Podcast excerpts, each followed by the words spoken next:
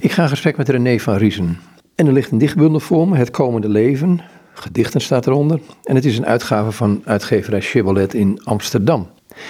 Goed, René, die dichtbundel die voor ons ligt. Um, zullen gewoon één gedicht pakken om even de smaak te pakken te krijgen? Je hebt, je hebt laten inspireren door Damiano Harderwig, door Julian of Norwich. Maar die gaan we niet uitgebreid behandelen. Wat gaan we, waar gaan we het wel over hebben trouwens? Ja, laten we het hebben over het thema van de, toch wel, thema van de bundel. Mhm. En dat vind je vaak in de titel. En de titel is Het Komende Leven. Er staat ook een gedicht in, dat heet Het Komende Leven. Mhm. En ik stel voor dat ik dat eventjes voorlees. Het staat op bladzij 16. Het komende leven. De hoge ramen vangen licht waar moeder aan de tafel zat. Het is middag, net als toen, en stil. De rust van lappen, losgetornd, en spelde als een halo bij haar mond. Ze zwijgt. Wij kijken hoe haar voet omhoog gaat en de naald nu wonderlijk laat jagen op wijder veld, waar vaders jas opnieuw beginnen kan als broek. Hoe zal het zijn in de wereld die komt? Ze zeggen dat het niet anders zal zijn dan dit leven, dit hier. Alles zal zijn zoals het is bij ons, maar onherkenbaar gekeerd. Dan denk ik, als ik dit hoor, ja, ik denk aan ieder Gerhard aan de ene kant. Maar aan de andere kant denk ik, ja, wat, wat moet ik hier nog wel voor vragen? Ah. Toch? Want, want dit, dit, is iets wat jij.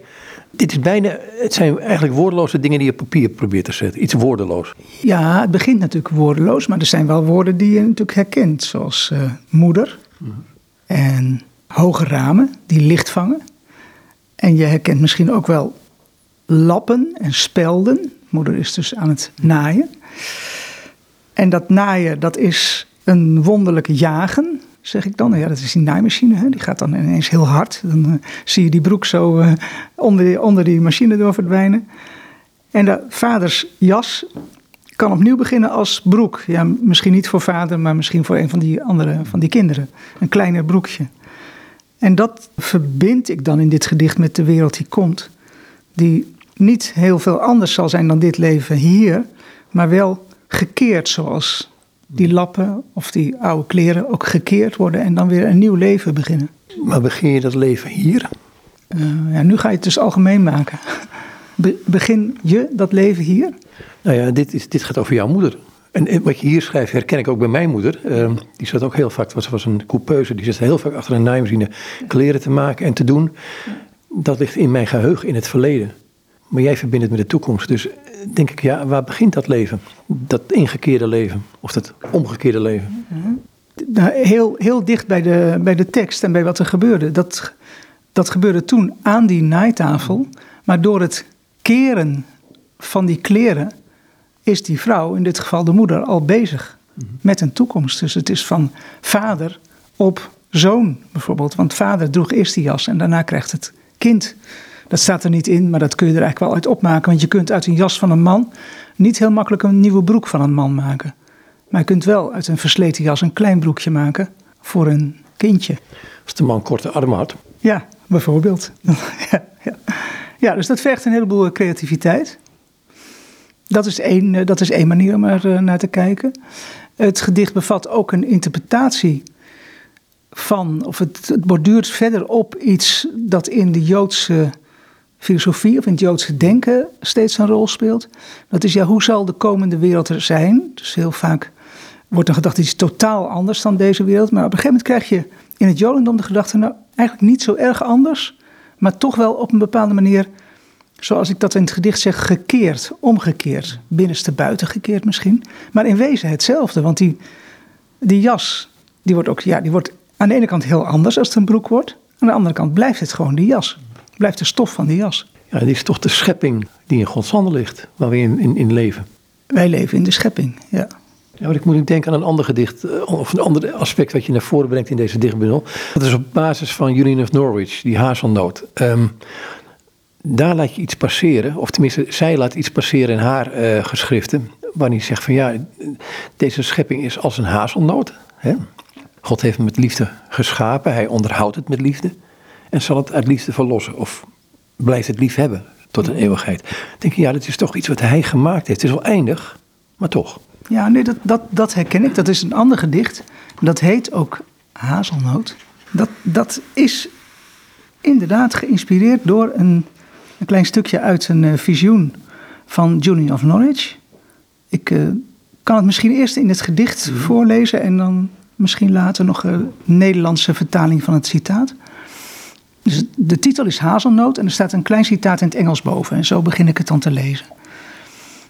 Hazelnoot. In his vision, he showed me a little thing the size of a hazelnut lying in the palm of my hand. Julian of Knowledge. Zo groot, zo klein, een hazelnoot. Kijk in je hand en zie dat daarin alles is. De spin, de slak, oranje, naakt. Een tor die glanst, een oog in het gras. En het vliegend hert hoog in de boom. De wereld in een hazelnoot, zo groot, zo klein. Kan dit bestaan? Het zal nog zijn bij haar die nu het huis behoudt, als God bezorgd de trappen veegt, de zolder kuist en wat verloren rolt langs plinten vindt. En dat is het gedicht. Kun je een stukje van Julian voorlezen? Je hebt hier een klein, uh, en het komt met een boekje van uh, Geborgen in de plooien van liefde. En de vertaling is van? Aline H. Lohman Graaskamp. En het heet inderdaad Geborgen in plooien van liefde. Het is een kleine bloemlezing met hele mooie, het zijn een soort houtsneden. Dus afbeeldingen ook nog. En dat, daar is het stukje iets langer, maar daar kwam ik het tegen. Dus dat is uh, een van de inspiratiebronnen van het gedicht. Hij omvat al het geschapene. Hij tooide mij een kleinoot, zo groot als een hazelnoot, in de palm van mijn hand. En het was als een bal zo rond. Ik keek ernaar vanuit de diepte van mijn geest en ik dacht: wat mag dit zijn? Het antwoord kwam: het is al het geschapene. Verwondering kwam in mij op dat dit kon blijven bestaan. Want ik verwachtte dat het in stukjes uit elkaar zou vallen tot er niets van over was. Wat was het klein? En het antwoord kwam in mijn geest op. Het blijft bestaan voor altijd. God heeft het lief. Alle dingen mogen er zijn door de liefde van God. In dit kleinoot zag ik drie waarheden. De eerste, God schiep het. De tweede, God heeft het lief. De derde, God kijkt er naar om. Wat houdt dat in dat Hij schept, lief heeft en verzorgt? Er zijn geen woorden om dat te zeggen. Want totdat ik één met Hem zal zijn, is er geen ware rust of vrede. Ik kan die niet kennen tot ik zo dicht bij Hem ben dat niets ons meer gescheiden houdt. En kijk, ik, ik, las dit en ik heb een paar andere stukken ook uitgelezen en ook wat over Julian of Knowledge verder gelezen. En dan, ja, hoe een gedicht ontstaat is heel moeilijk te zeggen, maar een van die dingen is dat die, die hazelnoot, die natuurlijk niet in de palm van Gods hand ligt hier in dit mhm. citaat, maar in haar hand. Dus, de, dus degene die het, um, die het schrijft, uh, of die het visioen heeft, Julian of Norwich, de kluizenares uit Norwich, die ziet dat dingetje in het visioen in haar eigen hand liggen. De wereld is dus zo klein dat hij in haar eigen hand ligt. En dat, is, dat vind ik zelf al iets raadselachtigs. Dat kan ik ook niet goed uitleggen. Hè? Maar dat heeft zij zo gezien. En wat je verder ziet in de andere stukken is dat ze van God uh, ook het, het zorgende aspect uh, benadrukt. En dat noemt ze ook wel um, homeliness. Dus uh, God is niet heel ver weg, maar die is bij je thuis. het, wordt, het wordt soms vertaald met gezelligheid. Gek genoeg, hè? Dat, dat kan, ja. Gezelligheid. En gezelligheid is, ja... Het is natuurlijk een van de meest bekende Nederlandse woorden, hè? gezelligheid. Maar gezelligheid, dat doelt ook in het Duits bijvoorbeeld gezelligheid op um, je onderhouden met anderen. Dus maatschappelijkheid zou je ook kunnen zeggen. Dan is het, klinkt het al iets minder alleen maar gezellig. Maar het is ook iets van het huis, het huis onderhouden. Dat is, als je, dus als we zeggen, God onderhoudt de schepping, dan is het zoals een huisvrouw haar huis onderhoudt of een huishoudster. En de, ik vind het woord kuisen vind ik ook erg mooi. Hè? Dus de, ja, de vloer kuisen, de vloer uh, aanmaken. Kijk nog even terug naar het gedicht. Het, ik heb zelf geschreven het huis behouden. En de zolder kuisen. En wat verloren rolt langs plinten vindt. Dus dat ook in de kleinste hoekjes. En het is wel verrassend dat ze dat met God verbindt. Ja. Ja. Waarom is het verrassend? Omdat veel over God gesproken wordt, volgens mij ook op de, niet op de juiste manier, maar als, als iets of iemand uh, die of dat heel ver weg is en uh, ver boven ons verheven. En op deze manier komt het erg dichtbij. Maar ik vind een van die, van die moeilijke, of moeilijke gedachten niet, maar een van die. Um, eigenlijk de, um, een gedachte waar ik niet goed bij kan, is deze. Dat God deze schepping onderhoudt. Dus hij onderhoudt datgene wat zij in haar hand heeft. Die totale schepping, het totale heelal. En dan denk ik, ja, dat zou tot bescheidenheid kunnen leiden bij ons. Maar wij denken dat wij onszelf uitgevonden hebben, dat we op onszelf staan, dat, um, dat we onszelf in leven kunnen houden zelfs. Ja, dat klopt, ja. En eigenlijk kun je zeggen, er is ook iets geks in dat citaat mm -hmm. van Julian of Norwich, dat zij in dat visioen die schepping of die hazelnoot in haar hand heeft. Dat, dat, kan ik ook ergens niet goed verklaren. En misschien is dat ook wel de dubbele positie van de mens. Dus aan de ene kant zijn wij uh, opgenomen in dat geheel dat door God onderhouden wordt. Aan de andere kant kunnen wij erover nadenken. En we kunnen daar woorden aan wijden en betekenissen aan wijden. En dat, maakt ons, dat geeft ons ook een zekere macht. Dus dat ze, dat ze een visioen kan hebben hierover. Um, goed, dat visioen krijgt ze, dat ontvangt ze. Maar ze kan het wel ontvangen en ze kan het ook verwoorden. En er zit voor mij ook het, het aparte in dat. Um, weet een, een monnik die ook zo'n beeld heeft gekregen in, in Nederland, die is inmiddels overleden. Als het totale heelal universum was een diamant. En dan denk ik, ja, daar is Christus dus binnengekomen. Wat ik onwonderlijk vind op zich. Om die hele zaak om te keren, van binnenuit weer tot leven te wekken. En dat vind ik wel heel mooi dat jij het woord omkeren gebruikt. Want dan moet ik zelf denken aan die moeder die bezig is die lappen te keren. En letterlijk stof keren en daar iets anders van maken. Dus ik, ik, ik zie het uh, ook wel op die manier. Ja. Het, wordt, het wordt heel anders. Tegelijkertijd is er niet zo heel veel veranderd. Het is dus een andere manier van kijken misschien, of een andere manier van beleven die je hebt. Ik moet ook een beetje denken aan, maar dat, is, dat zit hier wat verder vanaf. Uh, er is een schilderij van Salvador Dali. En daar zie je Christus aan het kruis hangen. En die wordt ook weer als het ware, de schilder kijkt als het ware vanuit de hemel op de zoon, op de gekruiselde zoon neer. En dan kun je ook afvragen, hoe kan iemand, een mensenoog, zo'n positie innemen? Dus dat is het dubbelzinnige van de mens. Wij kunnen ons alles verbeelden. Ja, als ik naar een andere visioen van Julian of Norwich ga, maar ik becommentarieer het maar. Um, daar werd ik zelf nog een doorgepakt de laatste paar dagen. Van, ze heeft een visioen van het Jezus aan het kruis. En Jezus zegt zonder zijn mond te openen, heeft ze de indruk dat hij tot haar zegt, in een visioen zeg ik, van heb ik genoeg voor je geleden? Of, of had ik nog meer moeten doen? Nou ja, daar kun je denk ik hetzelfde op toepassen. Ja. Namelijk dat het aan de ene kant ons heel nederig zou moeten maken en uh, terughoudend. Er wordt voor ons geleden, maar aan de andere kant, ja, hij vraagt het wel aan haar, aan een gewoon mens. En misschien ook weer verbindend met mijn gedicht, met die huishoudster of die huismoeder. Die zouden misschien dezelfde vraag kunnen stellen aan hun kinderen. Heb ik wel genoeg voor je gedaan? Want je doet natuurlijk nooit genoeg. Blijft de, de eindeloze vraag aan elke ouder, denk ik. Ja, ja, ja, precies. En dat is het grote raadsel ook tussen ouders en kinderen. Ja. Een andere figuur die in dit, uh, die gedichten vond ik eerlijk gezegd het meest uh, dichtbij komen in de zin van uh, qua begrijpelijkheid, laat ik het zo maar zeggen. Want ik vind gedichten niet altijd even makkelijk te begrijpen. Um, omdat je er altijd iets in leest wat de schrijfster er misschien niet ingelegd heeft. Ja. He, dat is dat, maar dat vind ik ook eigen aan muziek, denk ik.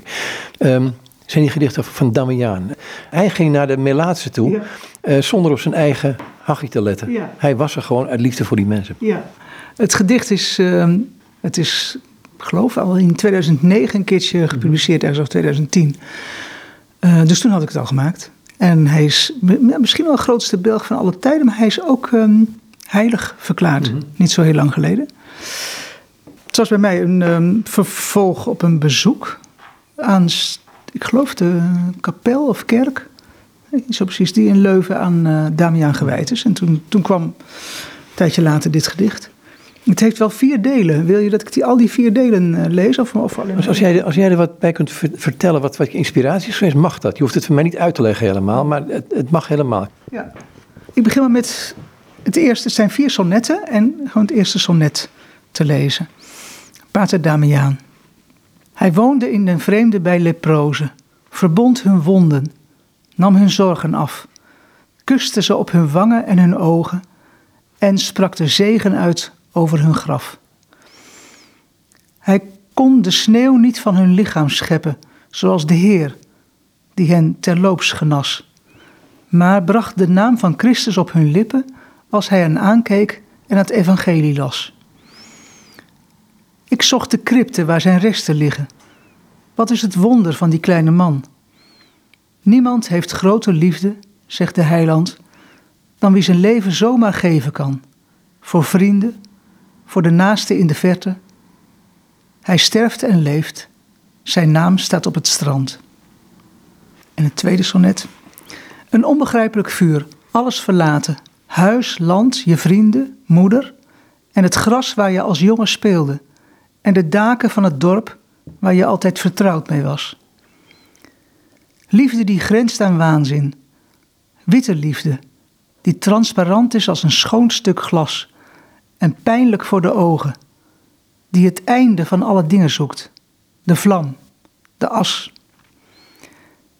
Hij kuste alle zieken, maar wat dreef hem? Was het de dood die in ons lichaam slaapt? Heeft hij demonen met zijn mond verdreven? Joeg hij de wolven weg bij het bange schaap? Of was hij het die vluchtte voor het leven, voor de verveling die om onze dorpen gaapt? Hij teerde weg, zijn handen en zijn voeten, wang, hals en rug met zweren overdekt, bleef hij vertellen van wat hem ontroerde.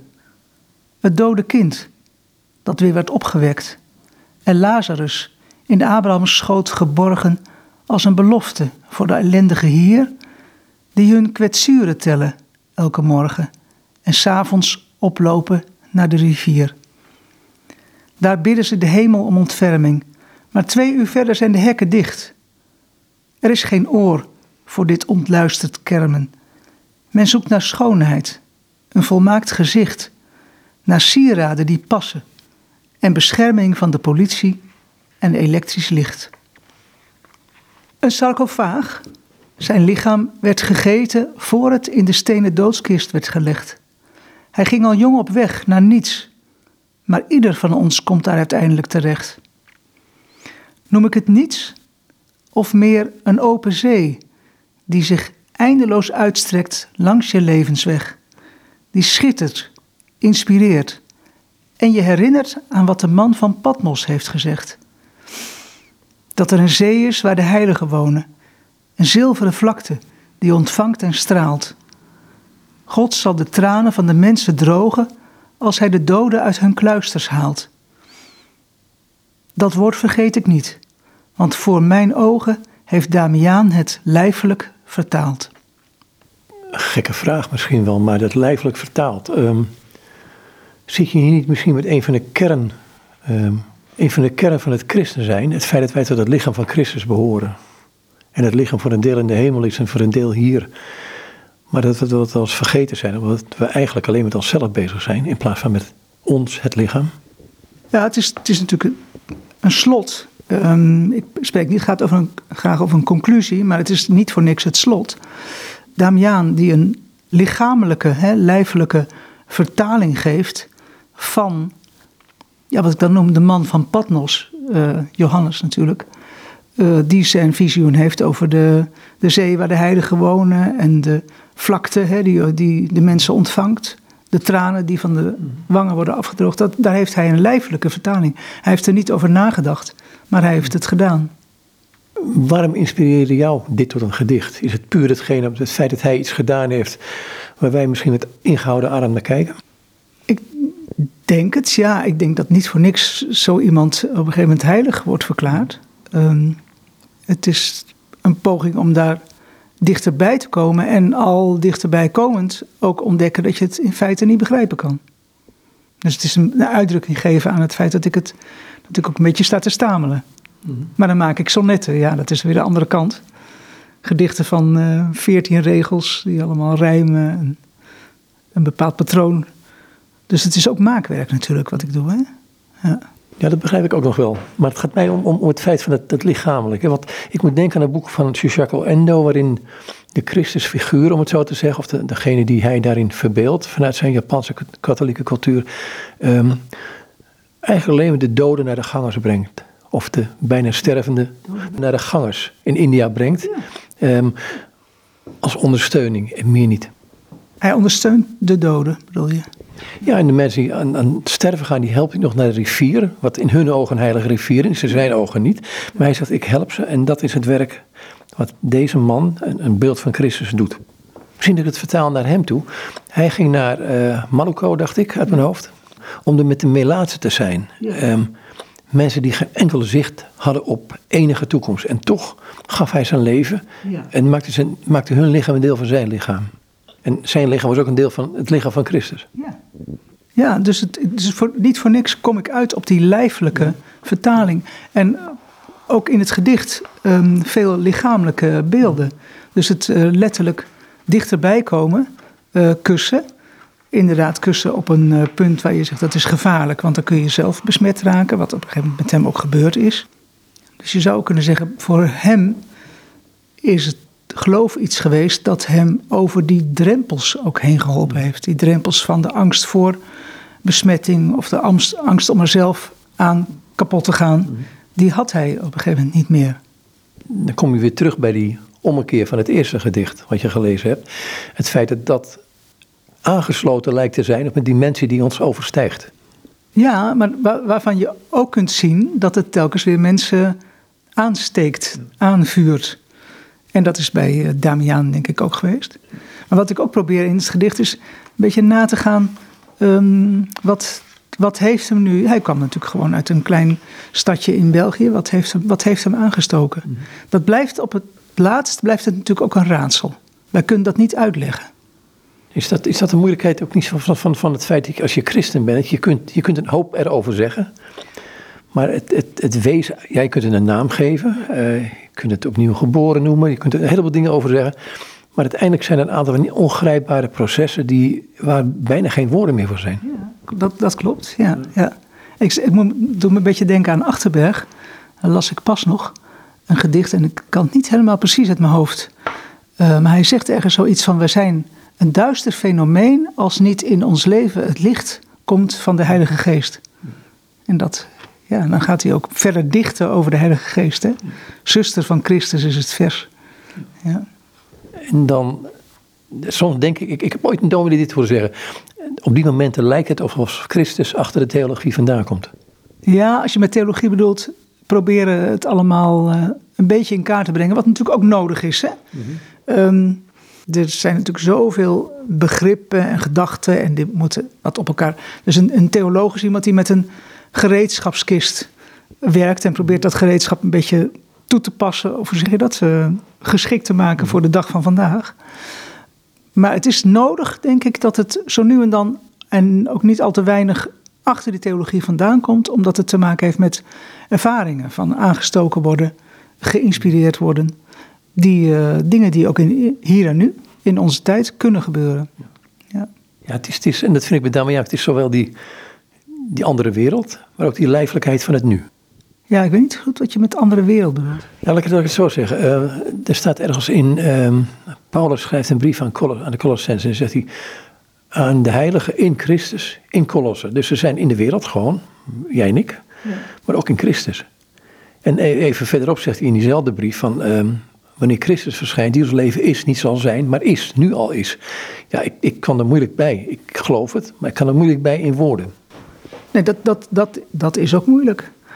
Ja, zelf denk ik dat het de bedoeling is van bijvoorbeeld het christelijk geloof dat mensen het overnemen. Dus dat, dat wij, dat ook de gemeenschappen die uh, sindsdien gevormd zijn, van de eerste christengemeente tot nu, dat het de bedoeling is, en ook vaak gebeurt, soms, als het goed gaat, dat daar een stukje van die, wat er dan genoemd wordt, Heilige Geest wordt overgedragen. En dat het zich ook niet tot binnen de kerkmuren beperkt, maar ook daarbuiten. En dan gaat het erom, denk ik, om dat te herkennen. Dus wat, ehm, wat is nou de training of de vorming van een christen in het geloof om dat te leren herkennen? Niet alleen maar binnen die kerkmuren, maar ook daarbuiten. Ik denk dat je daar, ja, dat het moeilijk is om, daar, om, daar, eh, om dat te zien, om dat te leren zien, omdat we geneigd zijn om het altijd uit elkaar te trekken. Te zeggen, ja, je hebt het leven hier en je hebt het leven elders.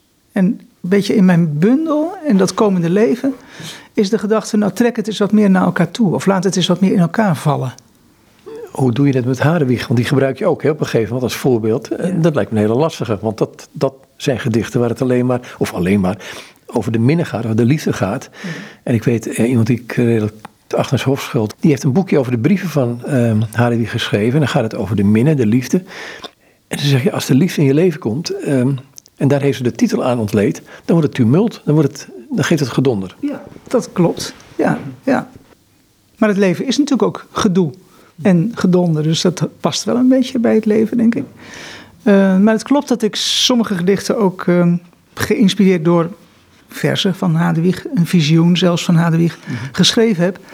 Um, denk dat we er even over zouden moeten praten wat het dan moeilijk maakt. Want als je het woord minnen, of in gewoon Nederlands liefde of verliefdheid noemt, dan denk ik dat dat voor de meeste mensen iets is wat juist de kern is van leven. Dan voel je jezelf tot leven komen. Dus juist niet iets van elders, of het is heel anders, of het is heel ver weg. Want het is het meest dichtbij. Het zit ergens in je buik of in je hart. Pak het gedicht er maar bij. Ja, pak. Uh... Want welk, welk visioen heb je van haar genomen? Ja, dat is eigenlijk een geheim. nee, niet een geheim. Maar het is zo dat ik dat. Ik heb sommige dingen in de aantekeningen verantwoord, maar dit niet. Nou, er is een gedicht dat heet Dat is de liefde. En daar zitten beelden in uit een visioen, het eerste visioen van Hadewig. -hmm. Dat lees ik nu voor. Dat is de liefde. Als je verdrietig bent en juist niet weet waarom, breek dan de roos hierboven uit de struik en neem daarvan één blad, de liefde. Leg haar op je tong. Wanneer je het in de storm niet uit kunt houden, zoek dan het binnenst van de bloem, het hart, en eet dat op. Ik zal met je versmelten in nieuw tumult, als giftig medicijn. Kijk naar het koren, willoos op de grond.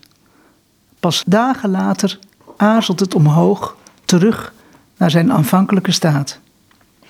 En dat is op bladzij 33 van de bundel, in een gedeelte dat in zijn geheel over de liefde gaat. Ja, dan gebruik je ook het woordje, het woordje tumult, valt meteen op in dit gedicht. Ja, ja, dat, uh, ja dat klopt. Dat, dat past ook erg bij, uh, bij Hadewig. Hè? Tumult of orenwoed is het dan in het uh, Nederlands. En dat is dat brandende verlangen dat alle mensen die de verliefdheid kennen wel overvallen is. Ja. Als ik het naar Hadewig ga en, en, en, die minnen, want daar, daar proef ik dat verlangen naar intimiteit die bij vlagen kan zijn. Nou, het is, het is gewoon echt moeilijk wat is er, wat is er nu precies aan de hand bij um, Hadewig? Maar het gedicht is geen exegese van het visioen van Hadewig, maar het is een uh, poging om erop voor te borduren. Dus om erop door te borduren en te zeggen: liefde, dat kan uh, tumult zijn, dat kan, je kan iemand een medicijn proberen toe te dienen, wat Hadewig daar doet. Hè? Dit, het visioen is eigenlijk een, uh, een poging om als geestelijke leidsvrouw op te treden voor een van haar vriendinnen, volgelingen. En te vertellen, wat kan er nou gebeuren met die liefde? Nou, soms kun je het niet uithouden in die storm, in dat tumult. En dan is het allemaal te erg. Neem dan uit die boom een blad en neem dat tot je. Leg het op je tong. En dan krijg je als het ware een medicijn. Maar ja, wat is het voor medicijn? Het is ook giftig medicijn, want misschien maakt het de tumult alleen nog maar erger. Hè? Dus dat er eigenlijk geen, niet zo makkelijk een oplossing voor te vinden is. En dat is denk ik zowel in de menselijke liefde als in de liefde meer in het goddelijke of transcendente perspectief. Mm -hmm. uh, dat kun je van allebei zeggen. Maar de menselijke liefde is eindig. Dat ben ik met je eens en tegelijkertijd ook niet. Want ook daar begrijp ik iets niet.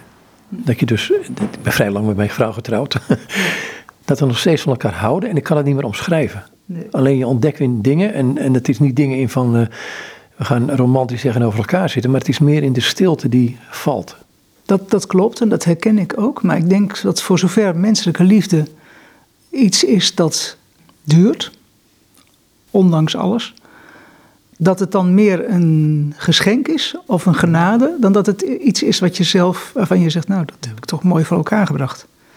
En daar, daar gaat het voor mij de grens over, maar dat staat dan niet in het gedicht. Maar ik denk dat bij Hadewig en, en bij andere mystici het daar allemaal over gaat. Dat in het menselijke zit iets goddelijks. En in het goddelijke aspect van liefde zit iets heel menselijks. Dus je kunt ze ook niet van elkaar scheiden. Behalve dat menselijke liefde strikt menselijk is eindig. Want dat zien we ook overal om ons heen. En ook in je eigen leven, dat het ook een keer afgelopen kan zijn. Dat je wel tegen de grens aanloopt van, van, de, van je vermogen lief te hebben. Dus voor zover het duurt en je het ook kunt blijven ontvangen, is het een geschenk. Gaat die liefde dan over de dood heen? Nou, in die zin denk ik dat we, uh, wat blijvend is in wat we kunnen geven. En wat, nee, wat blijvend is in ons, is dat wat we kunnen geven aan liefde.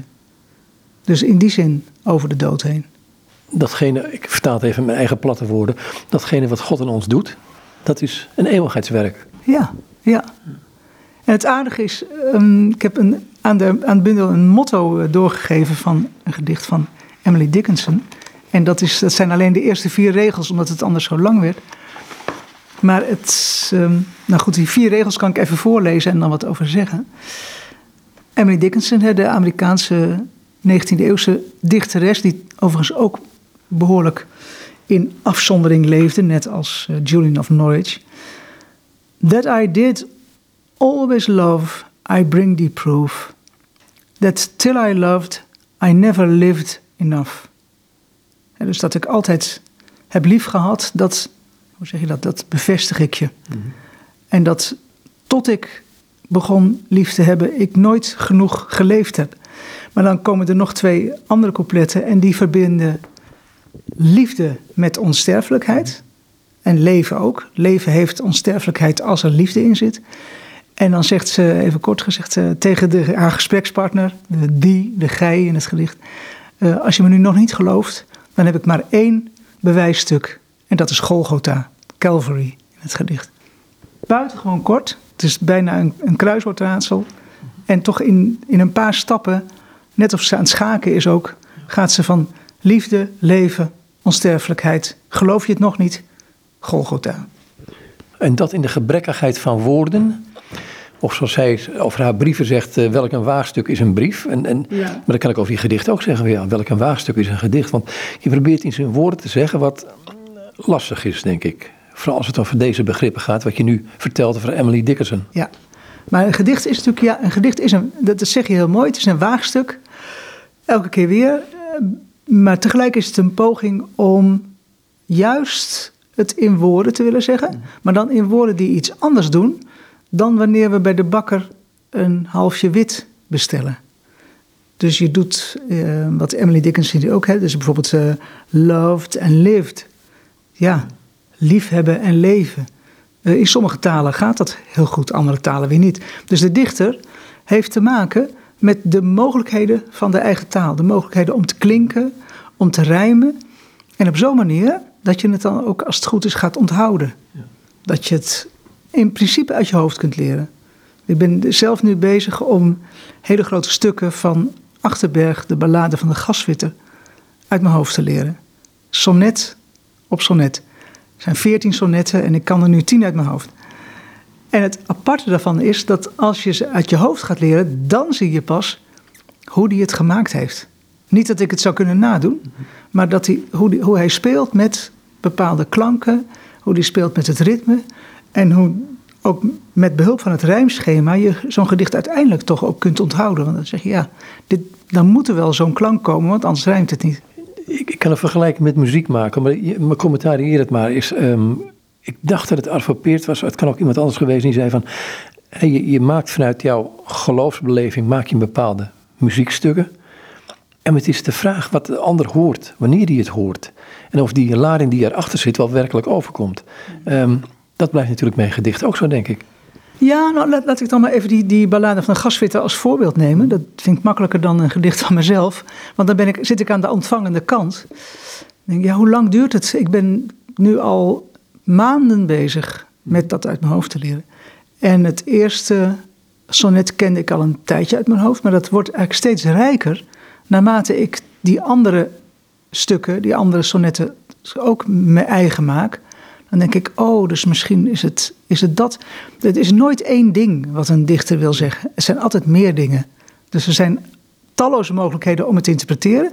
Maar er is wel een mogelijkheid, als het een goed gedicht is, om er dichterbij, om het te naderen, als het ware. En ook je eigen te maken, wat daar, wat daar eigenlijk gezegd wordt. Ja, maar nader je dan het gedicht of de dichter? Nee, je nadert het gedicht. Want voor die dichter is het ook nog helemaal niet duidelijk wat hij daarmee heeft willen zeggen. Ik, ik weet niet of Achterberg een heel precies beeld heeft van wat hij met, dat, met die ballade wilde zeggen. Maar er zijn bepaalde mogelijkheden. Maar ja, goed, dan moet ik dicht, dieper op het gedicht ingaan. Maar bijvoorbeeld een gasfitter is iemand die de gasleidingen nagaat en daar gaatjes ontdekt. En daarvoor moet hij de huizen in van mensen die hij niet kent. Dus dat is eigenlijk de situatie.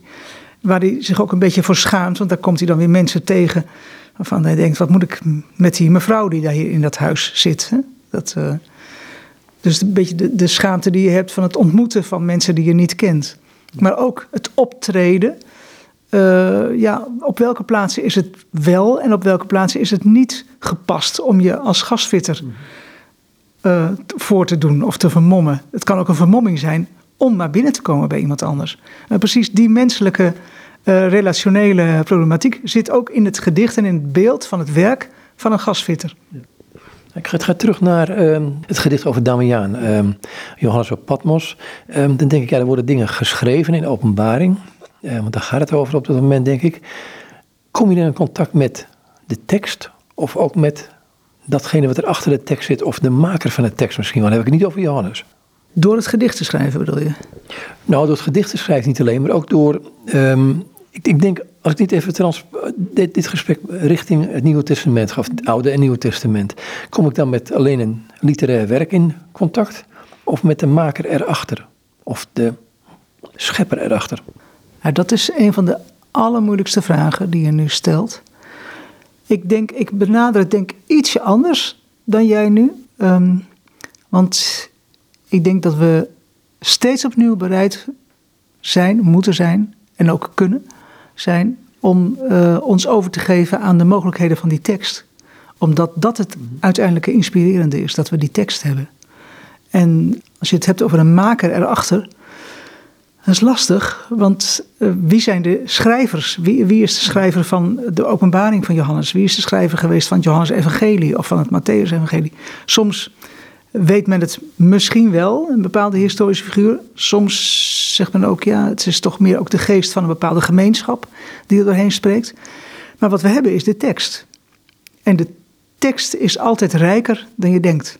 Dus ik zou liever spreken van een telkens opnieuw uh, contact maken, net als met, met zo'n cyclus gedichten eigenlijk, of met een muziekstuk, telkens opnieuw contact maken met de tekst en met de geest erachter, waardoor we weer opnieuw geïnspireerd raken. Dat is voor mij het grote geheim en het grote raadsel. En zo komen voor mij dus het lezen van literatuur en het lezen van de Bijbel. Uh, dat gaat niet naadloos in elkaar over, maar het heeft wel iets van elkaar. Namelijk dat je in, wat ik dan ook bereid ben te doen bij Achterberg, in een oneindig vertrouwen, telkens opnieuw naar die tekst gaat kijken, naar de geest die uit die letters voortkomt. Maar je mag de geest en de letter niet van elkaar losmaken. Dus de geest moet ook steeds weer terugleiden naar de letter. Zonder dat het een letterknechterij wordt, denk ik, hè? Ja, nee, dat is, dat is niet goed. Dat zou niet goed zijn, nee, nee. Wil je nog een gedicht lezen? Eh, ik wil nog wel graag een gedicht lezen. Want heb je het gevoel als je je gedichten leest? Ik, ik, ik vind gedichten heel vaak toch intiems hebben. Ja. Dat je iets van jezelf weggeeft. Ja, enerzijds wel. Uh, aan de andere kant, wat ik ook wel graag doe, en misschien ga ik daar ook wel iets van voorlezen nu, of dat, dat denk dat ik dat ga doen, is uh, beeldgedichten maken. Mhm. En die zijn dan gemaakt, uh, geïnspireerd door een bepaald beeld dat me dan zo geraakt heeft dat ik dat wilde schrijven. Um, daar hecht ik dan wel aan, want dat is een beeld dat iedereen kan zien, waar iedereen uh, als ware ook op bezoek zou kunnen gaan.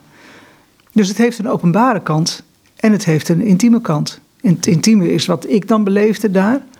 Of wat ik zou kunnen beleven. Het is ook niet feitelijk altijd gezegd dat ik het daar precies zo heb gehad. Het zijn mijn uh, gedachten. Maar het is ook iets wat, uh, wat ik graag wil delen. En door het te delen haal ik het uit die strikte intimiteit. Het verbaast mij, het verbaast mij hoor, dat je gaat over de aanbidding van het ja. Lam Gods. Ik denk ja. dat je in Gent geweest bent, als ik het goed heb. Ja. Um, het verbaast me hoe, um, en daar heeft Julian of Norwich heeft het daarover, maar ik denk Damian op een bepaalde manier hoe datgene wat eeuwig is en datgene wat tijdelijk is in elkaar overgaan op een gegeven moment. Dat er, wat ik je net zei over uh, de gemeente in Colosse in Christus, dat die twee tot een, je kunt het losmaken, maar het gaat eigenlijk niet. Nee, je kunt het, je kunt het niet van elkaar losmaken. En zo heb je, dus wat ik nu ga lezen is de, ja, de aanbidding van het Lam Gods. Dat gedicht um, gebaseerd natuurlijk op het, uh, of natuurlijk, maar gebaseerd op het uh, altaarstuk van de gebroeders Hubert en Jan van Eyck. Dat te zien is in uh, de Sint-Bave in Gent. De aanbidding van het Lam Gods. Een mastodont, maar met de deuren open. Ik loop zo uit de zon het donker in en tel mijn geld uit op het koude marmer bij de kapel om het lam Gods te zien. Wit op het groene gras, niet eens verwonderd omdat zijn bloed al vloeit, kijkt het mij aan door de fontein heen die ons scheidt. Het water dat druppelend binnendringt in mijn bestaan. Ooit zong ik mee, gij zult ons niet ontbreken, over een lam dat voor zijn slachter zwijgt. Het is uw lichaam, maar ik ben vergeten hoe het proeft. Er komen mensen aangereisd van ver. Ik sta met twintig onbekenden door toeval hier onder hetzelfde dak gebracht en tast opnieuw naar uw gespierde lendenen, uw dunne danserspoten, uw aardswitte vacht. Wat trof je nou aan het schilderij? Ik kan me voorstellen dat ik er sta en denk, ja, nou ja, schilderij. Het is denk ik niet alleen het schilderij, maar het is de situatie. Ja. Het is de situatie. En natuurlijk is het ook het schilderij. Het is een fantastisch mooi schilderij. Dat telkens weer heel veel mensen willen zien. En waar momenteel de stad Gent ook uh, reclame mee maakt. Gewoon van, kom, komt, komt dat zien. Kom het Lam Gods zien. Toch een beetje merkwaardig in een tijd waarin heel veel mensen aan de andere kant weglopen uit de kerk. Ja. Dus wat, en dan sta je, het was toen um, uitgestald, tentoongesteld in een zijkapel. En daar zie je dat, het, het is fantastisch mooi, dat lam dat op groen gras staat. En die witheid die komt heel, heel goed uit. En daar zijn ook, daar spreekt het gedicht niet over, maar er komen van alle, van alle kanten komen mensen aangereisd. Dus het is ook een uh, visioen uit openbaring, hè? de bruiloft van het Lam Gods. Ja. En dat verbindt zich op een bepaalde manier met die hele simpele situatie dat je daar zelf staat en je bent van buiten naar binnen gekomen. Dus eigenlijk van, van zonlicht een beetje donker in, dus een beetje donkere kapel. En daar sta je met mensen die je helemaal niet kent. Naar dat hele oude beeld, die hele oude voorstelling te kijken, die weer uit een hele oude tekst komt. Openbaring van Johannes die bijna niemand begrijpt. Waar gaat dit eigenlijk over? Wat, wat is dit precies? En dat alles bij elkaar riep bij mij dat gedicht op. Het, het, is, het beeld is nog steeds in staat mensen te verzamelen. Maar wat is dat voor een verzameling die daar bij elkaar staat? Wekt dat verwondering? Ja, dat wekt bij mij heel veel verwondering. Ja, ja. Zit daar verbinding in? Ja, ik voel daar, ik voel daar wel uh, verbinding. Ja, ja. Alleen ik ben dan ook op zoek naar de vraag: wat, wat wordt hier precies verbonden? Dus je zou ook daar met mensen in een, uh, in een kring kunnen gaan staan en zeggen: wat, wat zie je nou eigenlijk precies? Uh, er komen twee dingen. Twee dingen. Uh, dan ga ik weer naar of Norwich toe. Die heeft zo'n kleine, wat op een hazelnoot lijkt, in haar hand. Um, denk ik, ja, ieder mens als je naar het innerlijk van mensen gaat kijken, wat je nauwelijks weet wat er allemaal gaande is, is ook een heelal, een universum op zich. Tegelijkertijd, um, als God dit geheel onderhoudt, um, dan denk ik, ja, dan hoeft hij maar even zijn adem in te houden. En die twintig mensen of die twaalf mensen voor het schilderij, die zijn er niet meer. Ja, en dan denk je, we zouden dat wat meer moeten, moeten beseffen, bedoel je dat? Nou, nou het, misschien, misschien zou ik de vraag moeten stellen van, oké, okay, dat wonder van al die universums, om het zo te zeggen, die daar staan voor zo'n schilderij, wat ook weer in een universum hangt. Ik blijf het heel apart vinden. Hè, dat, je dat, dat alles zo eindeloos lijkt te zijn. En tegelijkertijd weten we het allemaal goed voor onszelf te houden en terug, terug te plooien op onszelf. Ja, maar het probleem is als je erover in gesprek zou gaan, dat je met mensen uh, natuurlijk terechtkomt op de vraag: maar wat, wat betekent het dat hier. Het is in feite een lam, dus het is een, uh, het, uh, het kleine, het jong van een schaap wat je daar ziet. En tegelijkertijd heeft, heeft er, er, komt, er komt bloed uit dat lam en het staat onder een fontein. En het staat op een grote groene wei, waar je mensen van alle kanten van de wereld eigenlijk uh, naartoe ziet komen. Dus het is een, het is een heel mystiek beeld. Ja. Weet je wat je ziet? Versta je wat je ziet? Of, of zie je de kleuren? Of zie je, de, zie je betekenissen? Maar zelfs als je het.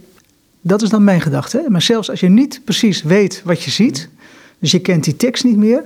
Dan heeft kennelijk dat beeld nog de mogelijkheid om mensen te verzamelen. Alleen weet ik niet precies waarin of hoe. Misschien daar, daar gaat denk ik het gedicht ook over. Nou ja, bij mij roept het dan altijd deze gedachte op. Oké, met woorden is het al moeilijk te communiceren.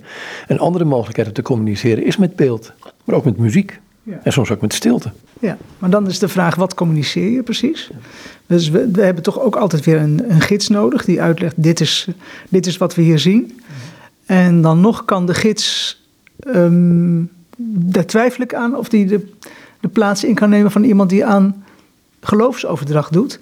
Maar dan is mijn vraag eigenlijk: is dat wel nodig? Of communiceert het beeld, de inhoud, ook zonder dat mensen weten wat ze precies aan het zien zijn? Dat is voor mij het raadsel eigenlijk. Dus en dat gaat met teksten in feite soms ook zo. Als mensen luisteren naar een Latijnse uitvoering van het Magnificat, van de lofzang van Maria, dan krijgen ze toch via de muziek en de woorden deel aan iets waarvan je niet weet, ja, wat, wat is het, wat komt er precies over. Dus er zit, zit veel meer kracht in die teksten. Uh, ze kunnen omgezet worden in beelden, in muziek. Ze, ze gaan op die manier de wereld over. Er zit veel meer kracht in dan alleen de zogenaamde letterlijke betekenis. Ja, er zit een wereld achter, hè? En, en die wereld, en, en, en ik proef, proef in die gedicht je, je wil die wereld ergens wil je ja, het is niet te pakken. Tegelijkertijd wil je het benoemen. Of, of niet benoemen, of ongeveer benoemen. Ja, ja. En misschien is dat wel wat het christendom met het woord geest bedoelt. En daar heeft dus Achterberg gelijk. Dat uh, uh, de Heilige Geest, hoe zeg dat wij zijn een donker fenomeen als niet in ons leven reist het licht van de Heilige Geest. Dat is, ja. dat is dit. Dus dat is ook niet vast te leggen in uh, binnen bepaalde kerkmuren of in een bepaalde interpretatie van de tekst. Dus de geest gaat met die tekst op stap. Gelukkig wel, zou ik denken. Dat denk ik ook, ja. Heb je nog een uh, gedicht? Ja, ik ga het hele boekje niet voorlezen, maar uh, iets wat, wat um, ja, het mateloos verliezen, het verbaast mij een beetje. Um, mag je ook wel lezen, als je wil. Ja. Oh, goed, dan doen we dat. Ja. Mateloos verliezen. Van de straat af omhoog jouw gebarsten gezicht waar het pleister van wegvlucht. Ontzet krakelee dat vraagt om ontslag. Of een dagje vrijaf. Wat voegt jou nog samen? Waartoe dit hechten aan marmeren hartstocht? Van binnen beweegt iets, het krapte aan verborgen steen, duwt pulver naar buiten op zoek naar je rumoer. Wat groeide in je wanden aan herderstas, distel en korstmos, dat walst nu de weg op. Een circusgezelschap op haastige, scheve schaatsen. De deur bleef gesloten. En nu? Of ik zing? Het werd eerder niezen door het grijzige licht dat me slaat in de stofwolken hier, op de plaats waar het altaar zich buigt naar de donkere straat en zichtbaarder wordt in mateloos verliezen. En wat ik ja, met, met, de, met de woorden, denk ik, laat zien is zo'n kerk, daar kun je zeggen, het is een marmeren hartstocht. Mhm. Dus het is passie die neergelegd is in stenen. Het is een heel groot gebouw. Mensen staan uh, met hun hoofd, uh, als ze buiten staan, met hun hoofd in hun nek zo te kijken. Vaak ook naar afbeeldingen die daar zijn. Dus die ook met een, met een altaar of met offer te maken hebben. En intussen brokkelt het aan alle kanten af. En uh, als het een verlaten kerk is, dan groeit er kosmos en allerlei andere kleine plantjes. dan zeg je, ze hadden dat ding toch wel beter kunnen onderhouden. Waarom uh, wordt het niet netjes gemaakt? Dus het is een afbrokkelend beeld en tegelijkertijd deelt het iets mee. Dus met dat altaar aan de straat, het deelt iets mee naar buiten toe, naar de straat. Dus mensen die buiten staan. Ja, ik was ooit met een vriend in de Dom in uh, Keulen, staat die, meen ik. Wij zaten daar en, die vriend van mij zei, ik heb het ook in Venetië meegemaakt. Dan zie je al die rugzakmensjes kijken naar die, dat gebouw. Moet je kijken, zegt hij, wat mooi. En ik denk, ja, maar die mensen, dat zijn toch die heilige plekken waar God wil wonen? Ik ga weer terug naar Julian of Norwich, begrijp je? De mensen zijn de heilige plekken waar God wil wonen. Ja, ja. Maar zonder die gebouwen, uiteindelijk redden we het ook niet, denk ik. Dus er is iets, is iets nodig buiten ons. Die, die, hele, die ervaring van, de, als het een oude kerk is, de hebben, niet alleen ik, hè, niet alleen mijn levenstijd, maar hier, eeuwen hiervoor hebben hier ook mensen rondgelopen. En geprobeerd, geprobeerd gestalte te geven aan dat geloofsleven of aan die geest. Dus het hangt niet van mij af. Het, is ook, het, het, is ook, gaat ook door de tijden heen. Ja, het feit dat daar generaties na generatie gebeden hebben. Hè?